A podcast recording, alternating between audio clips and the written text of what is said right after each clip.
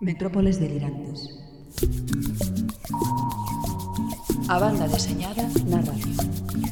Serotonina, serotonina, serotonina, serotonina,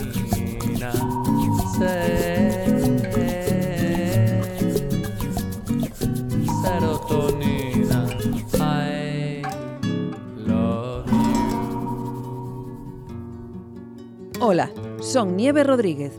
Aquí comeza a 46ª emisión das Metrópoles Delirantes. Abrimos programa coas máis interesantes novas da BD e o repunantiño do señor B.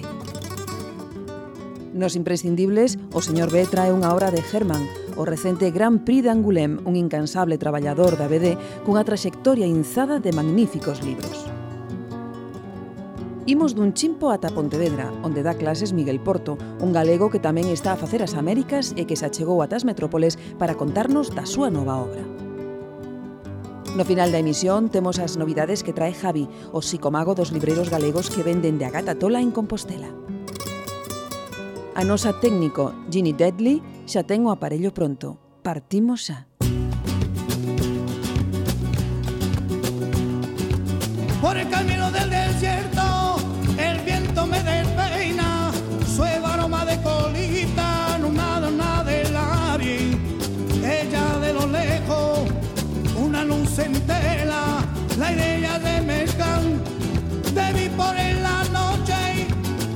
ella estaba a la entrada y la campana de sonar, y me dijo ya mismo, esto puedo del cielo.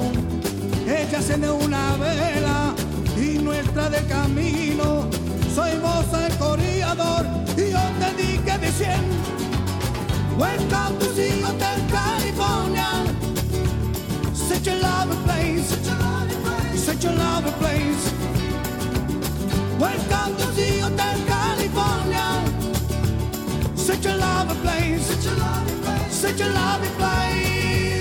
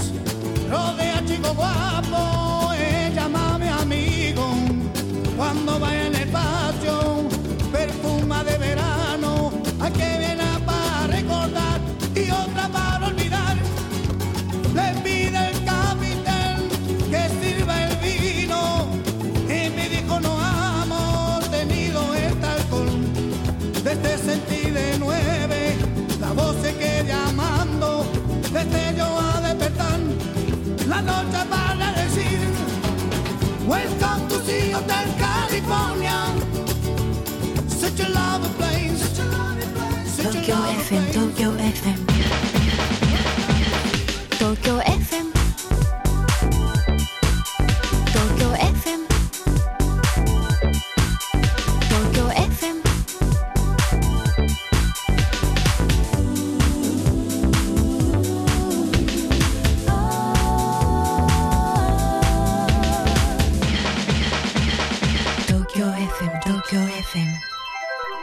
Chiamos en arroba metrópoles de.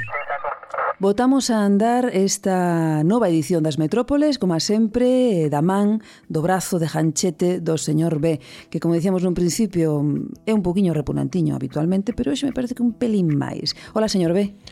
Hola. Ola, Angulem estivo aí a pasada fin de semana cos seus premios, co Grand Prix, co Fodor.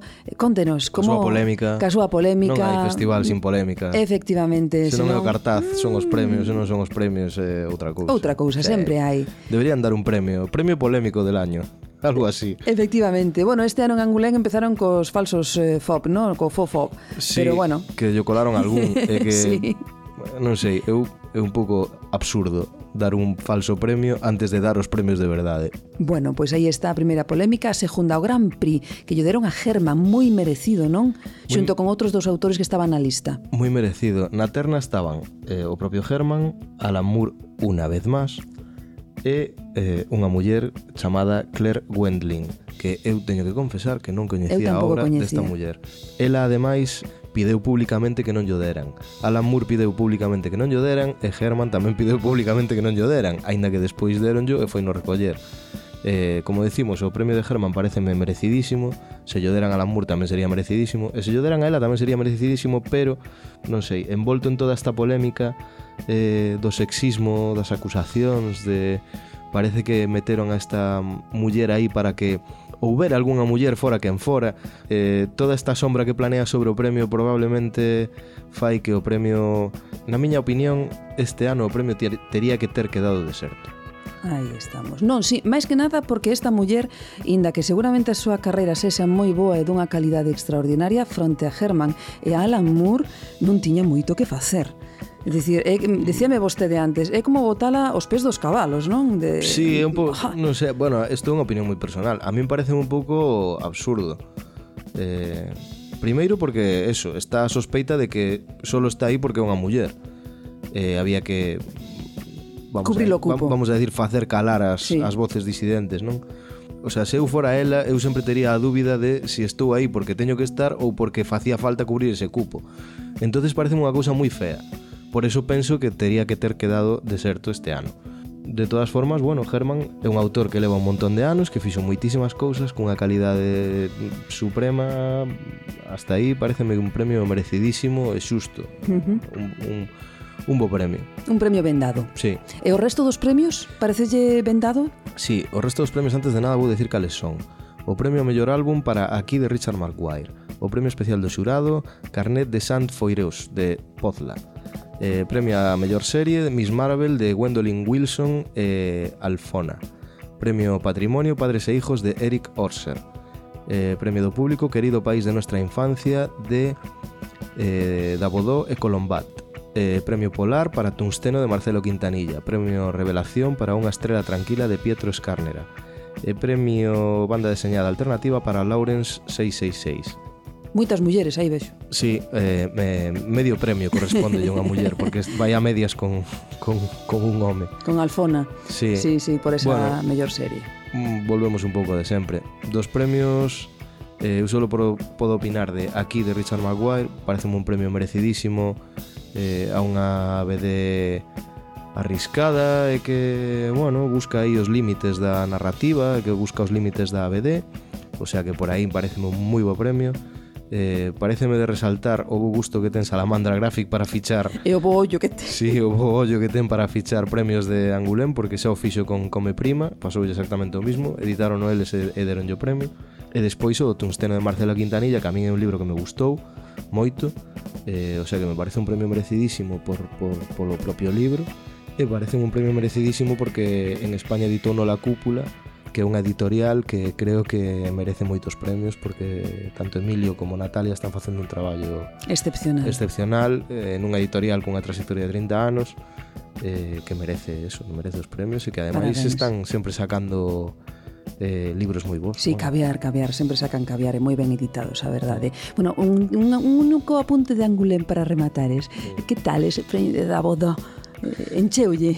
Eh, encheume porque eu teño unha debilidade especial por Dabodo, un autor que me gusta moito, pero por outra banda eh, estaba nominado Álvaro Ortiz, que tamén é un autor que me gusta moito, polo tanto quedou aí un pouco esa espiniña, non? Eu, a min gustaríame que, que, que yo deran a, a Álvaro. Uh -huh. Creo que o merece, ademais, creo que leva tres libros maravillosos. Sí, perfecto, sí, señor. Sí. Un, un rapaz que pode dar inda, inda moito de, de sí. Bueno, eh, e imos agora con, non unha polémica, pero sí algo que aconteceu eh, nos últimos días, que non sei se a xente se enterou de que realmente isto é así, a xente que se move no mundo da BD. Falamos de esa feira do libro que vai ter lugar en Bos Aires, en a que Gal Galiza non, Santiago de Compostela é a cidade convidada Que fixo a Xunta mm, para eh, ter presencia en Bos Aires, señor B? Pois a Xunta vai a levar a 25 autores galegos a, a esta feira do libro de Bous Aires en representación da literatura galega. Destos 25 autores eh, está Freixanes, o sea que non vos preocupedes, a literatura seria está representada. Está en boas mans. Está en boas mans. O ma, a, a noso que nos importa en realidade é que non hai ningún só autor de, de BD seguimos bueno, ignorando. Sí, sí, temos un temos un estamentos públicos que siguen ignorando a BD. Seguimos sin ter ningún tipo de beca para a creación, seguimos sin ter ningún tipo de apoio para os autores, nin para as editoras, nin para nada de nada. E para a difusión que me di? Eh, nada, non temos nada. O sea, somos, básica, somos básica... francotiradores os que estamos aí difundindo a BD. Eh, sí, a nosa, o noso goberno autonómico sigue sin saber que somos un, unha potencia, unha potencia en BD. Eh, en BD. Eh, non sei, home, se, se lle deran o, se lle deran o, o Gran Prix de Angulema, non sei, vamos a decir un nome, por exemplo, a Miguel Anxo Prado, seguramente sí que sí que algún conselleiro se faría unha foto con el, pero pero seguramente iría a facer a foto sin ter lido ningún libro del. O sea que, bueno, eso o resumen. Básicamente, non se, non se enteran de que existe a BD Galega e non se enteran de que a BD Galega é unha potencia e que exporta talento e que é unha industria, é unha industria, é unha industria que, que se chegou hasta aquí sin ningunha axuda, sabes, a pouco que se lle regues a planta pode dar moitos froitos e moi bons, pero bueno. Efectivamente, moita satisfacción unha, unha magua, realiza, no? é unha magua. Unha magua que sigamos sendo os parias da literatura galega. E bueno, e para rematar, eh, señor B, tamén estamos as metrópoles de felicidades eh, para, eh, celebrando porque, bueno, para non ser algo importante eh, escribir nunha revista que leva moitísimos números xa e que leva tempo no mercado como é Tempos. E, eh, señor B, estamos aí, pois bueno, contribuindo na medida que se pode, pois a espallar a verba. Acabando, acabando espacios para BD, eh, polo sí. menos. Modestamente, penso que é unha boa nova, que, que, que, que as revistas que non teñen unha temática literaria, eh, senón eu casi diría máis ben política neste caso, pero que teñan un espazo adicado, igual que teñen para o cine ou a música, que teñan un espazo adicado, especializado en BD, pareceme uh -huh. magnífico. Bueno, pois pues aí aí estamos na revista Tempos e nos encantados de estar aí, así que, bueno, nada máis, non, señor eh, señor B? No, porque no. no. Nada. É, é mellor calar a tempo que, que ir pa cadea. eh, largamos amarras logo. Metrópolesdelirantes.com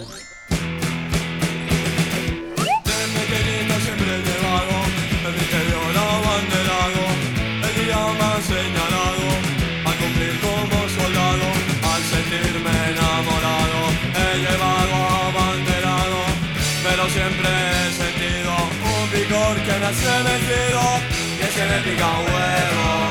No sé qué voy a hacer, no sé qué puedo hacer. Y es que me pica un huevo. No sé qué voy a hacer, no sé qué puedo hacer. En la corte del Congo belga, con mi smoking y mi suegra, hay una gran recepción, un protocolo del copón, presidentes embajadores y la nobleza de los alrededores.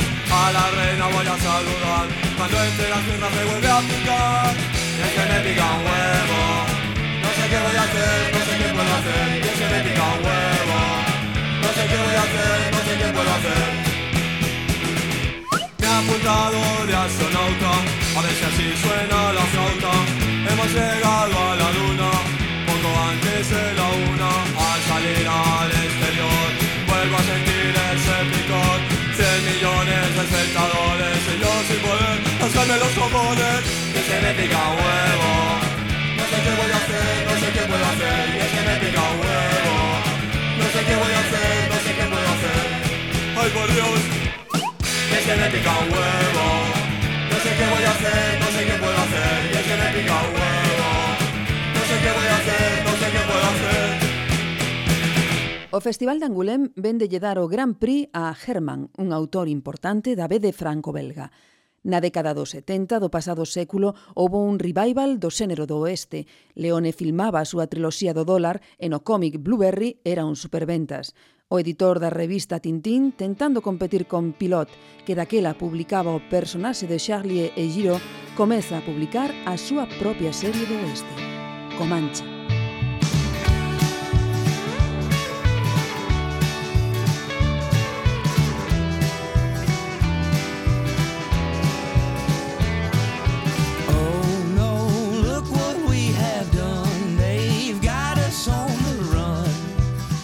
Comanche é unha obra con debuxo de Herman e guión de Greg, pseudónimo de Michel Renier, outro dos grandes nomes da prolífica BD franco-belga. A historia comeza cando unha muller chamada Comanche herda o rancho Triple Seis, logo do pasamento do seu pai.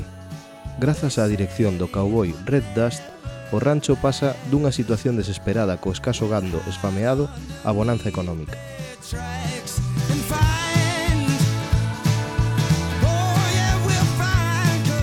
Comanche é un western atípico, pois, aínda que o personaxe protagonista é un rubio e solitario cowboy, non só el é a chave nas historias, senón que tamén os outros personaxes son importantes, facendo desta unha historia coral con grande riqueza nos personaxes e nos arcos argumentais que o guionista tentaba diferenciar dos típicos da época. Así, introduce como personaxes de gran peso na historia a unha muller terratenente, a propia Comanche, e a Toby Cara Oscura, un cowboy negro que terá que aturar o racismo da época.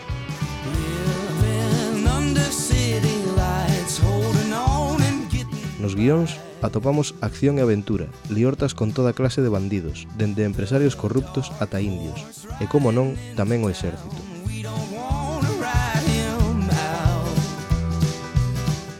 Greg e Herman souberon buscar o seu oeste, andar o seu camiño e inventar novos xeitos de contar as historias de sempre de indios e vaqueiros, e separarse da alongada sombra de Girod e o seu Blueberry.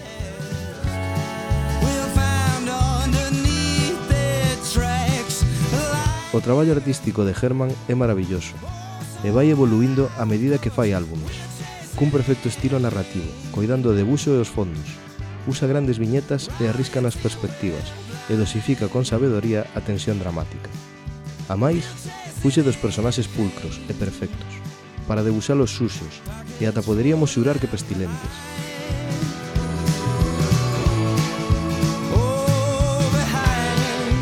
Herman soubo ler perfectamente a evolución que paralelamente levou o cinema deses anos, dos westerns limpios e grandilocuentes de Ford aos personaxes difíciles, duros e salvaxes de León.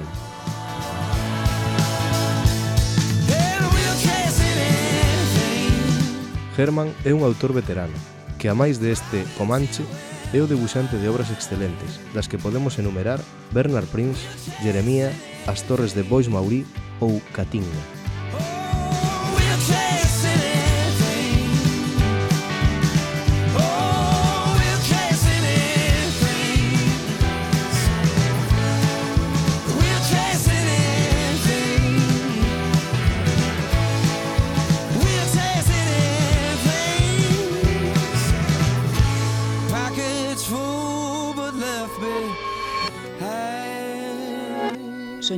vacas soñamos con en garajes herméticos. En garajes herméticos. En garajes herméticos. delirante. Miguel Porto leva máis de unha década formando parte activa da BD Galega é licenciado en Belas Artes e mestre no garaxe hermético. Escolleu o camiño nada doado da historieta para dar renda solta á súa creatividade e puliu a súa formación a base de fancinear e publicar en revistas de prestixio nacional e internacional como El Manglar, Bedebanda, Varsovia, Mongolia ou Jukebox. Hoxe está eh, acompañándonos nas metrópoles porque acaba de sacarnos usa Allen o fillo de Helcock. Benvido, Miguel, un placer terte con nós. Un placer estar aquí. que tal vai? Ben, vai ben. ¿Sí? Vai, fai un pouco de frío, pero... Escapaches de Pontevedra, viñeches para Compostela, mira que tempo. A baixo fai un poquinho máis de calor, non? Sí, bueno, eu, eu vivo en Vigo realmente, pero... Ostras, bueno, entón... Sí. Sí, polo sí, mellor, eh, sí, porque sí, no, Vigo sei que aquilo é tropical. Vigo tropical, exacto. Vigo tropical, non? bueno, California eh, que din agora, os hipsters. Sí, non os hipsters. bueno, ti tes un pouco de pinta de hipster, eh, con eh, esas barbiñas, esas gafas. é por vagueza. O de non afeitarse? Ah, un pouco. Sí. É que se digo que eu xa levaba barba antes de que estuviese de moda, vou a soar máis hipster todavía. Sí, non? desfilo, non desfilo. Está dicindo o señor B, sí, sí, sí, así que mellor non sí, o digas, non? Bueno, logo falaremos de... O señor de... B tampouco pode falar de pintas de hipster. Eh? Bueno, sí, Non, non vamos dar moitas pistas de como é porque quere preservar o seu anonimato. Despois falaremos da vagueza dos autores de BD. Madre mía. que tedes moita fama deso. Así que... Sí, non? Verdad? Verdade. bueno, comezamos falando da túa faceta como profesor, non? Esa faceta docente que tes no garaxe hermético en Pontevedra. Que materia impartes? A ver, contanos. Pois eh, agora mesmo imparto, digamos que é un grupo de asignaturas que chamamos técnicas digitais e que basicamente é tanto coloreado como entintado digital. E despois, bueno, eh, no último ano do que é o curso, digamos, profesional de, de BD que hai no garaxe, pois eh, hai son realmente máis eh, titorías, é un proxecto xa máis longo e aí pois exerzo como todos os meus compañeiros eh, as labores de titor do proxecto uh -huh. do proxecto. Eh, que tal te sintes na pel de, de mestre? Estás cómodo ou tirache de algún lado? Bueno, o sea, a verdade é que non, non, de, non demasiado, non me tira demasiado eh, de ningún lado. Estou contento, é unha cousa que é curiosa porque sempre pensas que a docencia é como unha profesión como moi vocacional ou algo así, eu realmente nin, nunca sentín esa chamada, eh, foi máis circunstancial, pero unha vez, digamos, metido no no tema, pois eh, sí que é unha cousa que mo que chea moito, non? Ver que mm, realmente podes axudar a xente a que, eh, digamos, aprenda quizáis non mellor, pero igual si máis deprisa, non? Eh, eu sempre digo que a ensinanza artística non é tanto eh, vomitar non as, as ideas que un ten sobre a xente, senón máis ben guiar por onde eles queiran ir, non? Que un pouco creo a filosofía tamén do, do garaxe, non? Non facer clones, sino que cada un poda ir uh -huh. eh, polo seu camiño que ele elixa, non? Uh -huh. Ou ela elixa. Cantos anos leva xa ca escola? Pois eh, que non me mate ninguén, pero non estou completamente seguro, Tres, creo que 4, creo que 4. 4 anos, o, non? O, o cuarto, sí, porque saiu a primeira promoción ano pasado, son 3 anos, así que sí, este é o cuarto. 4. E como foi a evolución do garaxe da, da escola? Foi a millor, non foi a máis? Eu, eh, sí, tanto en número de alumnado, creo que tamén eh, eh, eh tamén na na organización das clases incluso, non? Eu creo que eh, pois digamos que o primeiro ano eh, eles xa o saben, así que non o van a descubrir por aquí, pero os, os alumnos é un pouco eh, pois eh, especímenes de laboratorio, non un pouco, porque tamén nós como, como mestres era a primeira, aínda que impartiramos talleres, e cursos e conferencias por aí, non é o mesmo que facer un curso completo dun ano, non? Entón nos estábamos tamén un pouco coa L de novato eh, nas costas, pero pero eu creo que, bueno, que todo foi a mellor, non? Realmente a, a, a escola agora como que tamén se mm, puso un pouco máis seria nese, nese sentido, Asentou, non? Como, non? como con súa, coas súas normas e as súas cousas e tal, eh, que, que no fondo existen para que o funcionamento sexa un pouco mellor, non? Uh -huh. Pero sí, sí, eu creo que, que é unha evolución moi positiva a da, a da escola realmente. Como ves o futuro da BD Galega? Eh, flipas que as novas xeracións estamos deixando o negocio en boas mans ou non? Sí, totalmente. Bueno, eu flipo mogollón. Ás veces... Eh, bueno, pois, pues, eh, vos mellor que, que ninguén sabedes como, como funcionan as veces os medios, non? E a mí parece super curioso que fai, pois non sei canto pode facer, 15 anos, se falase de unha cousa como boom da BD e tal, eh, hoxe que hai como tres veces máis xente facendo cousas eh, eu creo que honestamente hai que dicir que tres veces mellores do que nunca fomos os, de, os da miña quinta o sea, hai xente realmente cun traballo espectacular agora mesmo, non? E, e e tamén é moi interesante a cantidad de movimento que hai, non? Isto vai a ser un pouco pataleta a vuelo de a cebolleta, pero joder, o, o Gallau vese algo tan guai como son as ferias de autoedición eh, cando, cando eu era novo, non? Claro. O máis novo máis sí, nova. Sí. no má, deixámolo aí, Miguel, non, non afondemos máis máis no tema. Bueno, e falando das túas clases, vemos no Twitter que sempre pos, hoxe na miña clase soa, soa este tema. Dice, a música que eh, ben acollida por parte dos alumnos, tes que facer unha lista de Spotify como fai Álvaro Ortiz cos seus libros, eh? Faría con gusto, mira, con, con Álvaro comparto bastantes gustos musicais, pero eh, se eh, si a música é importante para min sí, e se aos alumnos se os gusta, bueno, eh, un dos nosos alumnos que tan, tan está, rindo por aí polo baixo, que están, eh? que están a punto xa xa. Sí. un dos alumnos que está a punto de, de, de, de graduarse e tal, que ademais é, eh, eh, o, un dos alumnos o que o que lle titorizo eu o proxecto, Daniel Corrada, asturiano, fixo fai uns anos eh, un test eh, para saber que profesor do garaxe eras, non? Entón, eh, que música pos no garaxe hermético? Había diferentes respostas e a que coincidía comigo era o sonido dun tren descarrilando. Así que supoño que sí que lles gusta. Sí, non? que che van dicir, eh? Bueno, falemos agora do Helcock. Vale? vale. Dese traballo perfecto. que está xa nos USA, está na rúa nas nos USA o primeiro número, Cal é a proposta desta historieta? Primeiro fálanos diso. De que vai o Helcock? Porque aquí ainda non chegou, uh -huh. así que... Sí, o Helcock, mm, mm, curiosamente, eu creo que se... se eh, vendeu un pouco mal polas páxinas de críticas estadounidenses como unha parodia da fantasía heroica. Sí, eu, eu creo que non está tanto por aí a liña, senón eu vexo máis como eh, unha cousa moi parecida a Bone en moitos dos plante plantexamentos, pero que sí que redunda máis quizás nos clichés propios da fantasía heroica, non? Sí que hai un certo matiz paródico, pero realmente a historia non é tanto non é gru, non? Pese a que os guionistas son moi fans de do traballo de Sergio Aragonés e, e moitas veces pois eh nas críticas que nos fixeron había esta comparación e tal. Eu creo que tamén promovido un pouco porque os propios guionistas recoñecían isto, non? Eh, non ten tanto que ver con Gru, non? Non é unha cousa de gag constante sobre a fantasía heroica, senón que é unha historia que sucede nun mundo que certamente é paródico, non? Pero eu creo incluso que é paródico ao nivel los picapedra, non? É un pouco un mundo fantasi, fantástico heroico con cousas actuais pero adaptadas con co rollo eh, pois fantástico heroico, non? Pois eh, dragóns para quentar as cousas, eh, este tipo de, sí. de movidas, non? Que tamén pode estar hermana un pouco co rollo de Terry Pratchett, non? En a literatura. Uh -huh. Eu creo que a idea é un pouco por, a, por aí. Non, é eh, bueno, a historia vai de basicamente un o problema paterno-filial, non? Hai un gran heroe, unha especie de Conan que se chama eh, moi apropiadamente Helcock, eh, que ten un fillo que é un... Eu sempre digo que é como se Craig Thompson, o autor de Blankets, fose fillo de Conan. ¿no? Pois esta, esta, esta relación de tensión entre o fillo sensible que está moi enamorado e que, e que, bueno, pois que é un adolescente, digamos, contemporáneo con... Eh, con Hellcock, ¿no? Que aparte de ser Conan, te poco eh, o rollo de, de, estrella del hair metal de los 80, ¿no? Un rollo un ranciote de collo a las mulleres polo pelo, este rollo, ¿no? Es un pouco a coña. Un comic book de 32 páxinas a cor con guión de Will Tracy e Gabe Koplovich. Como xorde a oportunidade de traballar para o SUSA? Como te chega ese traballo?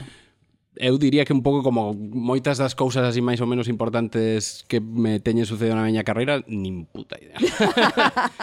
por internet, pero te, supoño que hai un internet componente maravilloso. Hai un componente de, un componente de sorte, de estar no momento axeitado, non, eles viron o meu traballo a través dunha páxina canadiense que se chama Drone, bueno, que xa cerrou, pechou fai fai un tempo, tal, e que levaban uns ilustradores canadienses, era foi unha páxina moi importante dentro eh, do sector da ilustración no mundo tal porque bueno, eh, o que facían era un pouco rastrear traballo de, de, de ilustradores de todo o mundo e tal e, e poñelo na non, no, poñer o foco sobre sobre algún autor, non? E bueno, pois eh, eu tive a sorte de, de que seleccionaron o meu traballo e salir aí, non non nin moito menos son o o único de por aquí cerca que, que ten saído aí, eu creo que Rubín tamén saiu, eu creo que hai, hai bastante xente que saiu nesa páxina, pero bueno, debeu coincidir que os meus guionistas estaban vindo eso cando saiu o meu, e, e, e lles, lles gustou e me escribiron, pero isto foi xa cinco anos, realmente o proxecto ten como un proceso de incubación longuísimo, non? De,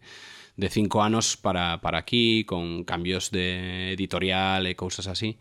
Entón, a verdad que eso, eh, a, a oportunidade pois a través de internet e despois realmente cando se formalizou a, a oportunidade que foi o ano pasado eh, eu xa tiña abandonado, abandonada toda a esperanza realmente porque era un proxecto no que traballara fai cinco anos eh, claro, pois eh, prácticamente o esquecera. Vaya. Uh -huh. E cando chegou, dixito, hombre, isto... Foi moi curioso, porque levaban dous anos dicindo que tiñan unha editorial e que, e que no, para primavera e tal eh, o editamos, pero logo non chegaba nunca ese momento, non? E, entón, pois era un pouco como, bueno, isto bueno, xa. me, lo, me, me lo están diciendo outro año máis, pero isto no, en realidad non, non vais a ir, non? E, e, e de repente un día recibo o primeiro mail que, que recibirá nunca de, do editor dicindo, bueno, pois me, mañán ás nove sai a noticia de que saen estes títulos no Washington Post. E foi wow. como, perdón. E claro, isto coa diferencia horaria eu eh, erguinme as pois ás oito e cuarto da mañan, que cando me, me ergo e tal, eh, e leo ese mail e realmente faltaban como dous, tres horas para que realmente saíra, non? E foi como, Po, vale. vale, non tiña nin contrato eh, eu, nin nada, o sea, o contrato viu a posterior do anuncio de Washington Post. Pero bueno, o sea que que sí. Bueno, eh, marcaronche algunha liña cando empezas a facer o traballo? A seguir para facer o traballo ou tiveches total liberdade a hora de facelo? Porque ti fixeches todo o diseño, eh, o debuxo, a cor, bueno, do chollazo. Sí, a verdade é que estou moi cómodo traballando con estes guionistas porque eh, sí que hai como moita eh, toma, toma de daca, sabes? Eh, entón, non podo decir que se completa liberdade porque sí que é verdade que eles comentaron cousas pero que eu sí que veía e cando non as vía, pois non as, as facía, non? Eh, en moitas outras ocasións eles tiñan unha descripción para algún personaxe eh, eu saíame pola tanxente eles lles gustaba e eh, eh, eh, e tiraban por aí, non? Por exemplo, hai un personaxe que, que é un mago eh, moi fumado e tal, eh, e a descripción era un pouco un mago tipo eh, el Gran Lebowski, non? El. Eh, mm. Nota, eh, sí. ese rollo. E eu cambiei no por un negro con peinado afro. Elles pareceu gracioso e aí quedou e tal.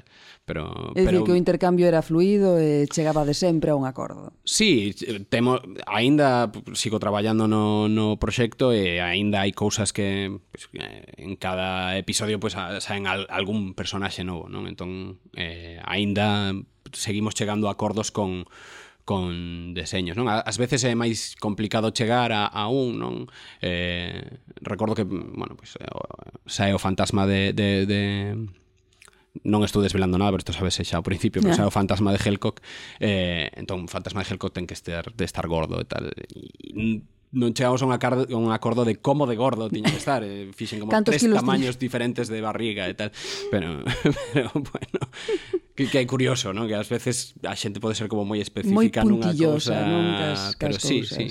No, hai que ter en conta tamén que aínda que digamos que eu teño unha parte que por un lado, podo considerar un traballo de encargo e por outra tamén o considero moi personal, porque realmente toda a parte visual é miña, pero sí que o que sí que é certo que é un traballo persoal para eles, para os guionistas. Entón eu tento ser bastante respetuoso tamén coa, coa visión que eles teñen do, do proxecto, sabes? Eh, uh -huh. Realmente eles son guionistas de televisión, este gustalles moitos os, os cómics e este é o seu proxecto de cómic. Entón tamén faime ilusión un pouco ser un pouco o canalizador de, de, de esa eh, un pouco soño para eles, non? Uh -huh que de feito eles non o fan nin por pasta, que eles están forrados. Están colocados xa, non? Alá nos, nos Estados Unidos. Bueno, sei que traballaches moitas horas, que botaches, botaches bueno, que, que case non dormías, pero botaronche unha man tamén, non? Nese, sí. nese cómic. Hai que ser xustos. Hai que ser xustos, sí, sí, sí. A parte está perfectamente acreditada no primeiro número. Sí, eh, eh, pois Irene Ríos botoume unha, unha man con cos, cos flat colors que lle chaman en, en Estados Unidos que basicamente un proceso de separar digamos as diferentes zonas da, da cor e que despois eh, é eh, revisado digamos polo polo colorista oficial e xa posto en, en tono pero un pouco o traballo máis duro da parte de, de, de color é ese non? Eh, o máis mecánico tamén é un pouco repetitivo e bueno, pois eso, tive unha man eh, de parte de Irene como como como dicía porque que si non non conseguía non dabas, chegar as, as, as, datas. as datas non, porque ten en conta que era un traballo mensual eh, eh, entón bueno, pois pensa que xa incluso non eh, no mainstream eh, puro e duro, Marvel ou DC, un traballo mensual, pois normalmente ten tipo que fai os lápices, outro que fai a tinta, outro que fai o cor, a cor. De, de fai un tempo, creo que tamén co chegada do rollo digital, precisamente, pois hai moita xente que tamén sen tinta, non? Fai lápiz e tinta e despois ten alguén, pero eu estaba asumindo absolutamente todos os roles visuales, quero dicir, rotulista, eh colorista, entintador, debuxante, Entón, claro, un mes facíase moi escaso e, como vos dicía antes, tiven que, bueno, tiven, no, tivemos tanto Irene como eu os dous últimos días estivemos traballando sin dormir eh, varios varios días para poder chegar á data, porque ademais tes que chegar á data, que aí é moi importante porque, bueno, tal e como funciona toda a distribución americana, non, co rollo de Diamond, eh, previews, pois eh, te saltas a data e pasta que perdes. Que perde, non? Eh, bueno, eh, pediches unha colorista, dixo, mira, eu, eu non podo máis, eh, con la vida. Sí, despois desa de experiencia experiencia, despois desa experiencia para o número 2 pedín pedín eh, que, que me puxeran alguén que fixera a cor porque claro, eh, gustame moito, eh, sou bastante control freak, e gusta meter todo en control, pero claro, non era imposible porque acabaría comigo, se seguía fa... o meu mm, o meu a, a miña ambición polo control chega tan, ata tal punto que realmente pensei non moito antes de decir que quería unha colorista porque un, ou un colorista, vaya, pero pero bueno, ao final o pedín e eso é, eh, eh, nada, pois conseguimos que Kendra Wells que, bueno, eh, os máis Tumblr dos, dos vosos ointes seguro que a coñecen porque, bueno, máis ou menos ten bastantes seguidores aí e, é unha rapaza de 24 anos que, que debuxa moi ben e tal, pero bueno, pois pues aquí igual debería ser o revés, sería, debería ser eu que estivese coloreando, pero mala sorte. bueno, aínda non fixeches ninguna presentación do Helco en Galicia? No, aínda non, eh, é que eh, estou eso, falando tanto con eh, falar a, con, con as librerías que, que o trauxeron, tanto o sindicato do cómic. del cómic e tal, con, falando con Simón e con Melo de eh, de BD, probablemente en febreiro faremos algo así, e familiar, non? Porque, bueno, todas estas cousas que facemos ás veces os que publicamos ali, aquí facemos a presentación, bueno, pues, por un lado sempre pensas, isto ten sentido porque isto aquí non está publicado e tal, pero bueno, casi é unha forma de facelo para familia, amigos e tal, que sí que queren o, o TV, o de feito, joder, en, en, en BD tiveron que pedir máis porque o esgotaron. Eu que che iba a comentar, non? Son que hai... de ali, así que teño moitos amigos. non que xogas na casa tamén, claro. así que eu que che iba a comentar, non? Que hai librerías que xa teñen o que o importaron, sí. non? Para, para vendelo sí, sí, aquí. Sí, sí, sí, que eu sepa, eh, Sindicato de Cómic é eh, eh, banda deseñada, non? tanto en Ourense como, como en como Vigo. En Vigo sí. Bueno, Pois a ver, estaremos pendentes das datas entón para ir á túa presentación. Sí, en febreiro, así. En febreiro, vale, pois estaremos pendentes. eh, que o mellor e o peor de traballar para un mercado tan distinto como é o o norteamericano, tan distinto ao noso? É o deadline ou Non sei. Eu traballo bastante cómodo con, con deadlines. Gústame traballar baixo presión, probablemente Dios. porque si, porque si non, non traballaría. Pero... Si logo vos queixades, non llego, es que estou, que non durmo... Non, pero... claro. Claro, claro, non, bueno, pero todo o mundo se queixa no, no, no seu traballo, creo. No, eh, sí que, sí que claro, eh, exixe moitísimo traballo eh, cumprir esas datas, non? Pensas en no ritmo do, do mercado fran franco-belga, por exemplo, é como, ah, que relax, non? Eh, pero pero sí que, claro, bueno, eu no, no franco-belga non, non, non traballei, non sei como é a relación cos editores, pero bueno, sí que hai unha relación eh, moi profesional. E non tanto comparado cos editores de cómic de aquí, senón máis ben cos editores que teño tido pois en ilustración ou tal que, porque a verdad que os editores de cómic aquí pois a maioría son por amor al arte, son xente que está tola, eh, enamorada do medio, entón soe haber boa comunicación, pero por exemplo, digamos en mercados máis profesionalizados como sería o da ilustración, as editoriais grandes tratan o teu traballo como se si fose un pouco a cuña para meter debaixo da mesa, non? En plan de, bueno, temos que rechear este espacio con algo, eh, temos ilustración, non? Mentres que traballando con esta xente notas un rollo de, profesionaliz de profesionalidade moi grande, de, de saber xestionar un pouco como funciona isto, non? De que son moi conscientes de que ti estás traballando moi duro para chegar a esa data, non? Eh, son bastante eh, supportive, como dirían eles, non? En plan de tratante moi ben para que para que non rompas. Efectivamente, para manterte aí arriba, sí, non? Sí. Sí, bueno, que teñen moita fama os americanos destos, non? De que primeiro fancha pelota e despois dancha hostia e despois fancha pelota outra vez. bueno, ademais de todo isto que estamos falando, bueno, ti non paras, profesor, autor, bueno, freelance, eh, e andas nun proxecto, nunha iniciativa chamada Bosqueso. Ah, mm? sí, sí. Que é? Cando é? Como se fai para ir? Eh, Contanos. Pois este ano un pouco por por Allen aínda non está moi pechado o tema das das datas Pero que que? Que ah, bueno, vai un festival de de de buxo eh, do natural que se fai eh, no nun pobo en Senderiz eh, en Ourense, aí eh, pois, cerca de Ceranova, eh, no agora bloqueouseme totalmente o nome, pero eh, no Parque Natural Xurés. Ah. Bien. desbloqueime a tempo. E, eh, e nada, pois unha semana, eh, pois hai debuxantes que a verdad que eu creo que podemos decir eh, sen, sen sentir que é unha forma de facer publicidade que por moi pouco precio eh, están sete días debuxando con pensión completa, ¿no? Eu creo que o ano pasado estaba por 145 euros, sete días pensión completa, é verdad, bueno, pois pues, eh, vivindo un pouco como se fose un refuxo de montaña, non? Eh, literas e todo eso, non, non é un hotel de tres estrelas, e eh, facendo actividades de debuxo natural, non? Todos os anos traemos un, un invitado que consideramos que pois, pues, é un pouco unha figura dentro dese campo. O primeiro ano trouxemos a Enrique Flores, non? Eh, debuxante del país, moi coñecido polos seus debuxos eh, do 15M, tal que ademais creemos que pudo, foi o mellor anfitrión ou o primeiro invitado que pudíamos ter porque coincidía moito coa filosofía do propio festival e tal.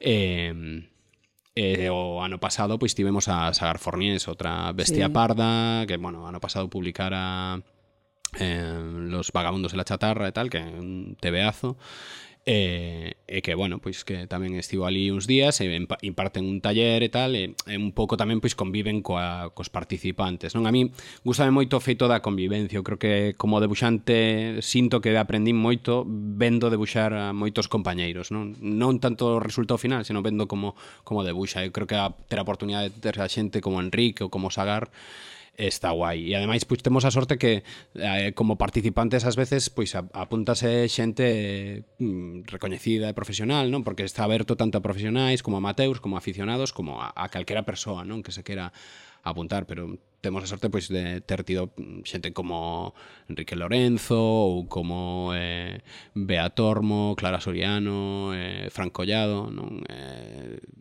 Inés Casarejos, eh, bueno, despois tamén pois eh, Guille de Belius que, que sí, está sí. aí no mundo fanzine, uh -huh. Cintia, Knickerbroker, Manuela, o sea, xente que está moi activa e que realmente está facendo cousas moi moi interesantes e, e que temos a sorte que ademais veñen como participantes, non? Entón, eh, o propio Simón de sindicato sí, sí, estivo ali. Certo, eh, sí.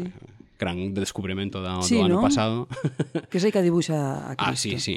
Sí, sí, aparte, digo. Aparte.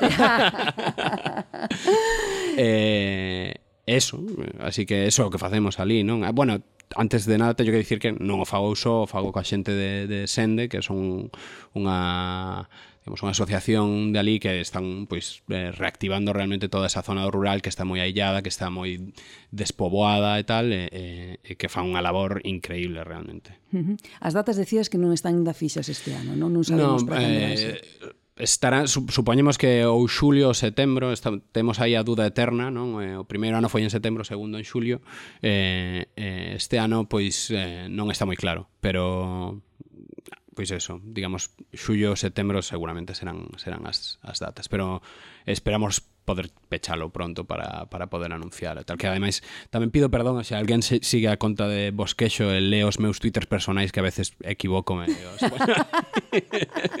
xa non Som, sabes somos, onde publicas somos tres persoas non, non dá para máis que hai nestes intres na libreta de notas de apuntes de Miguel Porto en canto a proxectos? hai unha páxina cun suspenso moi grande, no. eh, de proxectos, bueno, agora mesmo moi centrado en rematar isto, a verdad que sí que quería aproveitar un pouco a inercia, digamos, financiera que me vai a dar traballar neste proxecto para intentar sacar eh, proxectos propios, non? Eh, pois como vos dicía antes, aínda que vexo isto como un proxecto moi personal, pois bueno, realmente a min contrátame de encargo, non? Contrátame os guionistas. Polo tanto, eu sempre fixera os meus cómics eu todo, non? Xa vos digo, control freak total. Entón, eh, eh, sí que me gustaría sacar un proxecto proxecto meu e ademais, pois, un pouco diría que intentar un pouco a maniobra eh, en Mar Ríos, pero pero pequena escala, non? Eh, que empezou en Marvel, bueno, empezou en Boom, despois Marvel e agora está facendo un pouco xa máis o que o que la quere, non? E eh, facendo os seus uh, os seus magníficos guións, sí. porque eu creo que Emma é, eh, eh, casi casi mellor guionista que, que debuxante. Esto, Uy, ¿sí? esto, esto wow. xa o sabe ela. Ah, vale, vale. Xa, xa mo dirán Menuda que, afirmación. Pero tamén é moi boa debuxante, eso non, non Joder, hai ninguna que... dúbida. Sí, sí. Eh, eh, no, sí que claro, esa, esa maniobra de poder acabar facendo que o que un quere, eh, sí que sí que me molaría, ¿no? pero Pero bueno, eso eh, soñar é gratis. Soñar é gratis. bueno, agora xa para acabar esa pregunta, sodes tan vagos como reflex, reflectides? Eh... Que non chegades nunca as datas que... Ah. Hai un pouco de todo, eu creo que hai xente moi moi traballadora, non? Eu sempre envidiarei pois pues, eso, a capacidade de traballo de xente como pois o propio Rubín, Kiko sí. da Silva, non? Que xente que está aí traballando moito, o que pasa é que non sei se o vexo tanto para mí. pero, eh, pero sin dúbida é unha é un oficio no que hai que traballar mogollón, quero dicir que incluso sí, porque a xente incluso os que, que non chegamos ou, ou que nos queixamos das datas eh, creo que traballamos moitísimo para, para chegar a, a, a aí, non? Eh, realmente sí que sí que se traballa moi, moito. Despois tamén hai que ter en conta que como a pasta que hai na, na digamos aquí para editar algo, non? Os cartos que vas gañar tampouco te compensan aparcar outras cousas para facer a, facer ese traballo, non facer eh, banda deseñada. Entón, ás veces hai que elixir entre comer ou facer o que Efectivamente, o que sí, señor. un quere. Entón, uh -huh. ese é un pouco tamén o, o, o rollo, non? Se houvese unha industria máis eh, na que fose máis fácil poder gañarse a vida, eu creo que eh, non habería tanta vagancia, non? Senón porque a xente tería traballo, digo, tempo para, para poder eh, facer os traballos, digamos, eh, normalmente, non? Hai que ter en conta que moi, moita xente eh, o que falle traballar noutras cousas e despois no tempo libre pois facer os cómics, non? Entón... E iso dificulta un pouco a profesionalización no sector? Eu... O feito de ter máis tempo adicado a facer outras cousas para poder comer que non adicarse aos cómics. A profesionalización é que é un, é un tema super complexo, creo, pero eh, para mí hai varias varias cousas aí que dificultan a, a, a profesionalización, ¿no? Eh, por un lado, a falta de público e por outro eh, o feito de que se non gañas cartos como carallo, te vas a profesionalizar, quero dicir que é, impo, é imposible, entón, eh, pero claro, unha cousa está moi ligada a outra, entón, ah, o que habería que facer é conseguir máis lectores, pero eso como se fai? Pois... Claro. Eso é complicado. Bueno, soñaremos cun futuro distópico no que os cómics eh, Porque sesan... Bueno.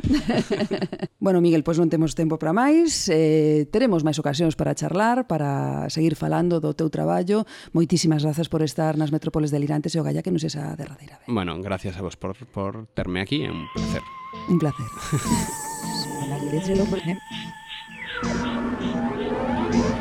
Metrópoles delirantes.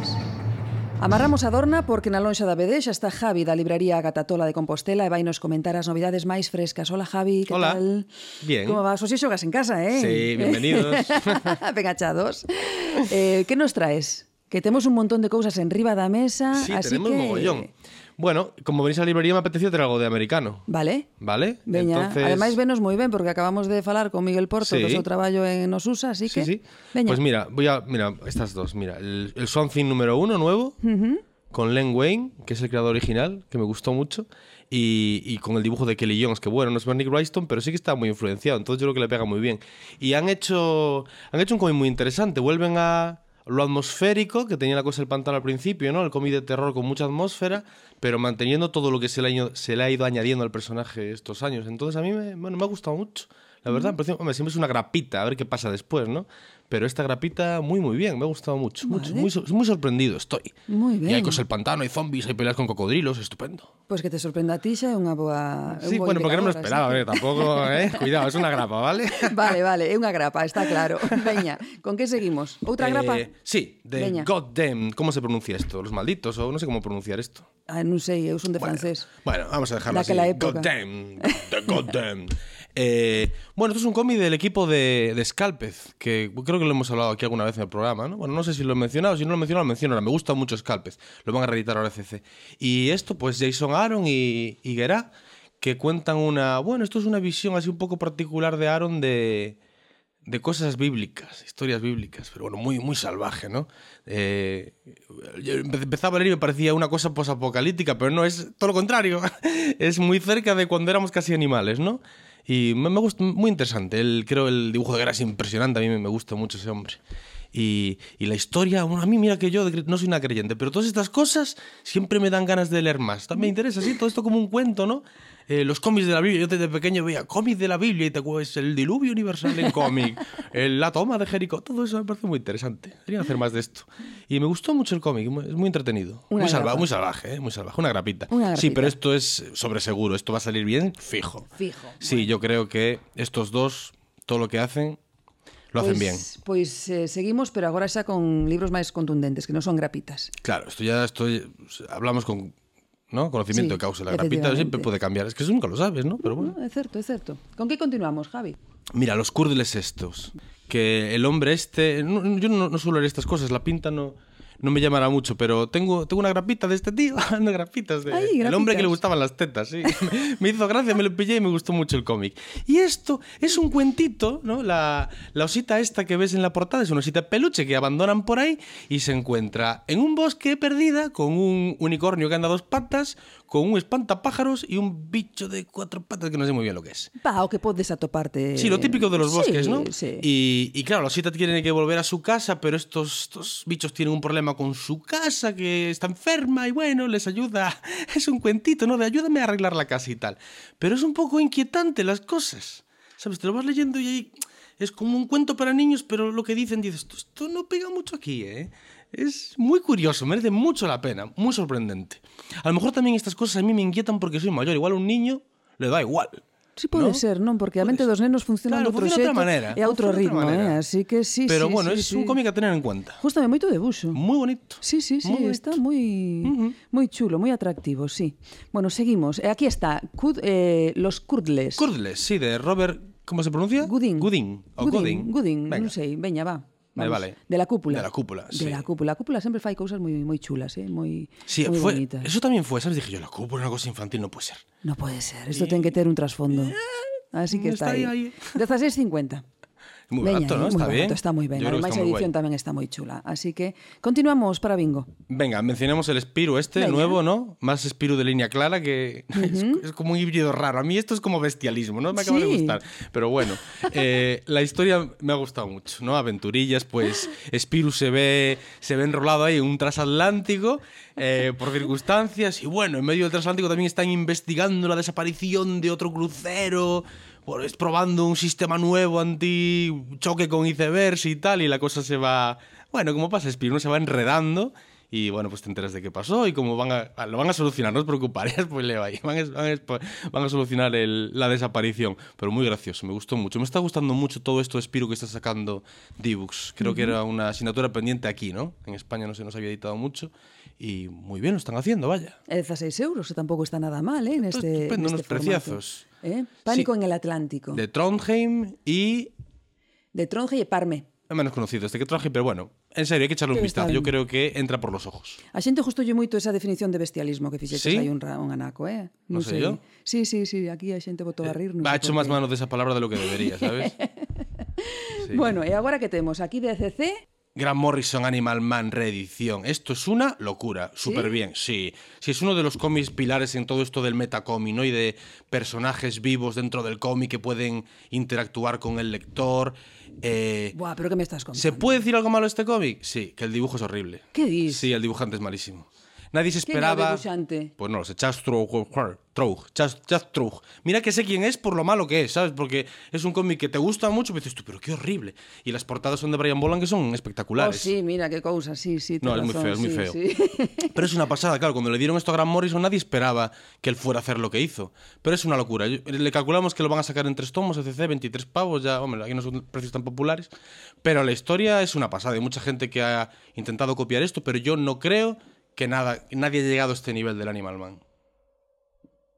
¿Sí? Yo creo que sí. No sé, ¿Tú dime ¿No lo leíste el Animal Man? No. Mm. Pues muy mal, hay que leer el Animal Man. Animal Man de Grau. Es que podría spoilear a saco. Voy a spoilear porque esto Veña, ya tiene mucho tiempo. Hay, hay- al principio el cómic solo va ¿no? Animal Man como ayudando a los animales. Pues hay, eh, yo qué sé, pues experimentos con monos, ¿no? Pues Animal Man tiene que meterse ahí. Pero hay un momento que Animal Man se da cuenta que está en un cómic y nos mira y, eh, te estoy viendo, pero ¿qué haces tú leyéndome a mí? ¿No? Y todo ese, mi vida creada por otro tío, me están amargando la existencia. Ahora no suena, suena un poco porque ya se ha visto más veces, pero aquí era como, no, para mí fue la primera vez. Y yo creo que fue la primera que tuvo la repercusión que tuvo Animal Man. Eh, es, es una sensación leer eso. Está muy, muy bien. Merece mucho la pena. Hay que leer Animal Man. Pois nada, aí está Animal Man de ECC, eh, 23 pavetes. 23 pavetes. Eh, bueno, subimos un poquinho a escala, pero bueno. Bueno, a ver, merece a es un pena. poquito máis gordo, eh? Sí, bueno, tamén é certo, pesa un poquinho máis, Sí, sí. Ainda que o debuxo non este moi ben. Así que, e que temos por aí? Temos tempo para máis? Sí, Sí, veña. mencionamos este. Sí. toda, toda leche, como teníamos prisa. Dios ha muerto. Ah, Ir- Ircus Severio. Este no me lo iba a leer, este me leyó Sandy. Me dijo, léetelo que está bien. Y la verdad es que es muy curioso. Es, son pasajes de Así habló Zaratustra, eh, ilustrados por este hombre, pero un rollo muy expresionista, muy lo que yo veo ahí, ¿no? Yo pongo aquí este pasajito y yo lo interpreto así. A veces quizás es un poco literal lo que se ve en los dibujos, ¿no? Sobre el... Pero claro, aquí ya meterse en qué quería decir Nietzsche aquí, como es un tío tan Sí, controvertido, sí, sí, tampoco es algo fácil. Pero bueno, la verdad es que eh, estas cosas a mí me, me sorprenden cuando me gustan, ¿sabes? Son cosas que a priori pues veo, no, esto, esto no me interesa. Y a veces le echo un vistazo pues por mirar y, y me tiene ahí. Y hoy voy pasando las páginas y mirando, entonces, bueno, pues la verdad es que lo estoy recomendando bastante. Siempre le doy- tengo miedo a estas cosas. Digo, bueno, échale un vistazo, mírate unas cuantas páginas. Sí, es como muy personal, ¿no? Decide Esto, por ¿no? ti, ¿sabes? Claro, Animal Man no lo dejo ni mirar. Mételo, llévate eso. Pero bueno, esto hay que echarle un vistazo. hay que echarle un ojo y ver si te gusta. Pero bueno, es algo distinto, desde luego, ¿sabes? Dios ha muerto sobre textos de Nietzsche, de Así habló Sí, son pasajes tal cual del libro. Bueno, aquí traducidos, claro. Eh, xa para rematar, es algo máis ou non? Venga, miramos el Miracle. Nos da tiempo a mencionar que salió. Dalle. La bueno, Artifact Edition de Miracle. bueno, esto o que comentábamos antes. Eso ten as dimensións que como libro de bolsillo está maravilloso. Estaba hablando antes con el señor B de que estas cosas, bueno, es para coleccionistas, pero es que eso es espectacular. ver, Isto canto ¿no? mide? A ver, para decir yo que Esto, estamos... cuánto- hombre, pues tres cuartas mías, que son buenas cuartas. ¿No? Tres cuartas por dos cuartas. ¿Qué te parece? Vale, ven. ¿No? Buen tomo. Eh, hablar de precios aquí, bueno, no- es, como todo esto hay mucha especulación con los artis, pero bueno, andan siempre entre 150 y 200 pavos. Guau. Se mueven todos, ¿no? El tamaño de las planchas originales. Y bueno, como salió el de Miracleman, están saliendo continuamente. Esto es un boom, de los Artis Edition. Aparte se agota, luego la gente los vende por ahí mucho más caros. Bueno, hay gente que especula con esto, salen segundas ediciones. Todo empezó ahí, yo creo que con quizás con el Born Again, ¿no? Fuera ahí el de los primeros que salieran. Pero es que ahora todas las editoriales están apuntando. Así que yo creo que está funcionando. De hecho, esto de Artifact Edition. Bueno, esto no sé si es. Esto es de Idwell, porque claro, aquí en el Artifact. Normalmente un Artist Edition tiene el cómic original, todo con las planchas originales, ¿no? Pero en el Artifact, pues no tienen todo el cómic entero, meten algunas planchas de, de muestra. Pero bueno, es Miracleman. Ya os hablaba de Miracleman, eso te lo te acuerdas, sí. Claro. Sí, sí, Nada, sí que me esto... lembro, sí, sí. Bueno, o caso que hai que ter unha atril na casa para poñelo eh, para poder lelo, así Estas que... cosas non son para ler, son para eh, tener, son ¿no? para ter, Esto, ¿no? sí, hai que ahorrar y te compras uno o dos, pues si te apetece, yo tengo alguno. A mí me parece, sí, Interesante. mejor que tener el, el Yadro. Tamén é certo. bueno, aí o deixamos, non? Creo que está bastante bien vale, metido caña, eh? Moi ben, moi ben. Eh, Javi, moitísimas gracias. A vosotros por venir hasta aquí. Ya, nada. Hoy non me tuve que mover de casa, estupendo. Nada, estás eh, na, na túa salsa. Graciñas. Ata a vindeira vez. Chao. Me echaron droga. Delirante. En el colacao. Rematamos esta emisión na que o señor B fixo imprescindible Comanche, unha das magníficas obras de Germán nas que daba a súa visión do Lonxano Oeste. Falamos un bocacho con Miguel Porto, que está a publicar un cómic no mercado norteamericano, e veu para nos contar como llevai esta experiencia en ultramar e como fai para compasinalo coa súa labor docente no garaxe hermético de Pontevedra. Javi, dende a librería Agata Tola de Compostela, estivo connosco para falarmos das novidades máis interesantes deste tempo de entroido. Seguídenos no Twitter, en arroba metrópolesd. faládenos e espallade a verba da BD con nós, E xa sabedes que hai máis cousas en metrópolesdelirantes.com. E lembrade, lede banda deseñada. Agasalládevos a cultura que non teñen os indignos que regalan o país as papeleiras. Metrópoles Delirantes. A banda deseñada na radio. Keeps coming back to me. The sweet memory. of the one I like best.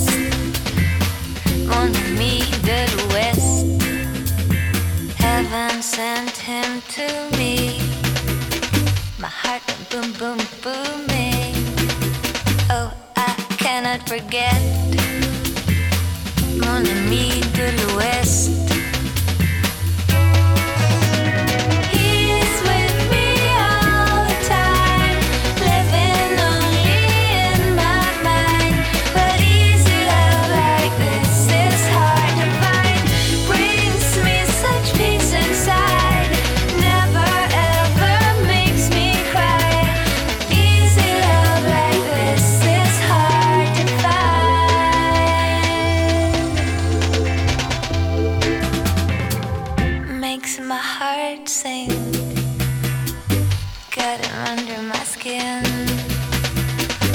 Got him in my chest. Mon ami de l'Ouest. Like James Katarzan. And Venus as a Marsman. I got the very best. Mon ami de l'Ouest.